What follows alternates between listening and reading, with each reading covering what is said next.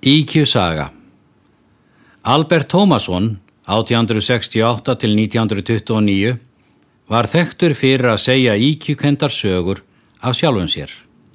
Hann var eifyrðingur en átti lengst af heim í skagafyrði. Ein af sögum hans er á þessa leið. Eitt sinn fekk ég bóð frá ekki einni um að skjóta fyrir sig kú. Hún átti aðeins tvær kýr, aðra sem var fjörðungskýr hásnembær, en hinn var argvítugasti leppur, útlifuð og átti ég að lóa henni. Tveir unlingspiltar áttu að byrkja með mér beljuna og voru þeir nýkomnir er mig bara gardi. Ég segi þeim að fara eftir í beljunni inn í fjósið en beði sjálfur úti með hlaðin riffilinn.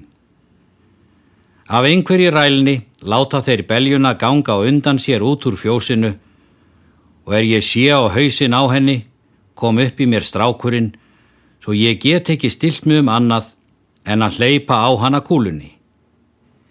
En um leið og skoti rýður af, heyri ég að ekkjan hljóðar upp fyrir aftan mig og segir með grátstaf í röttinni. Guð hjálpi mér, þetta er skökk kýr. En þá skeiði það sem aldrei hefur komið fyrir mig áður, nýja síðan, að ég hitt ekki það sem ég ætlaði. Því kýrin var gjörsamlega ósærð. Ekki hann lofaði Guð, en strákarnir leittu beljuna inn aftur.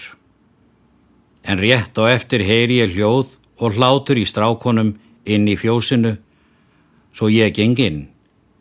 Og hvað haldi þið ég hafi séð? Liggur þá ekki hinn kýrin sem átt að drepa, stein döið á básnum, með kúlu gati miðju enni, rétt eins og ég hefði staði hjá henni þegar ég skaut. Þótti þetta gæfulegt sem von var, er það barst út. Úr fórum Stefáns Vakssonar frá Hjaltastöðum.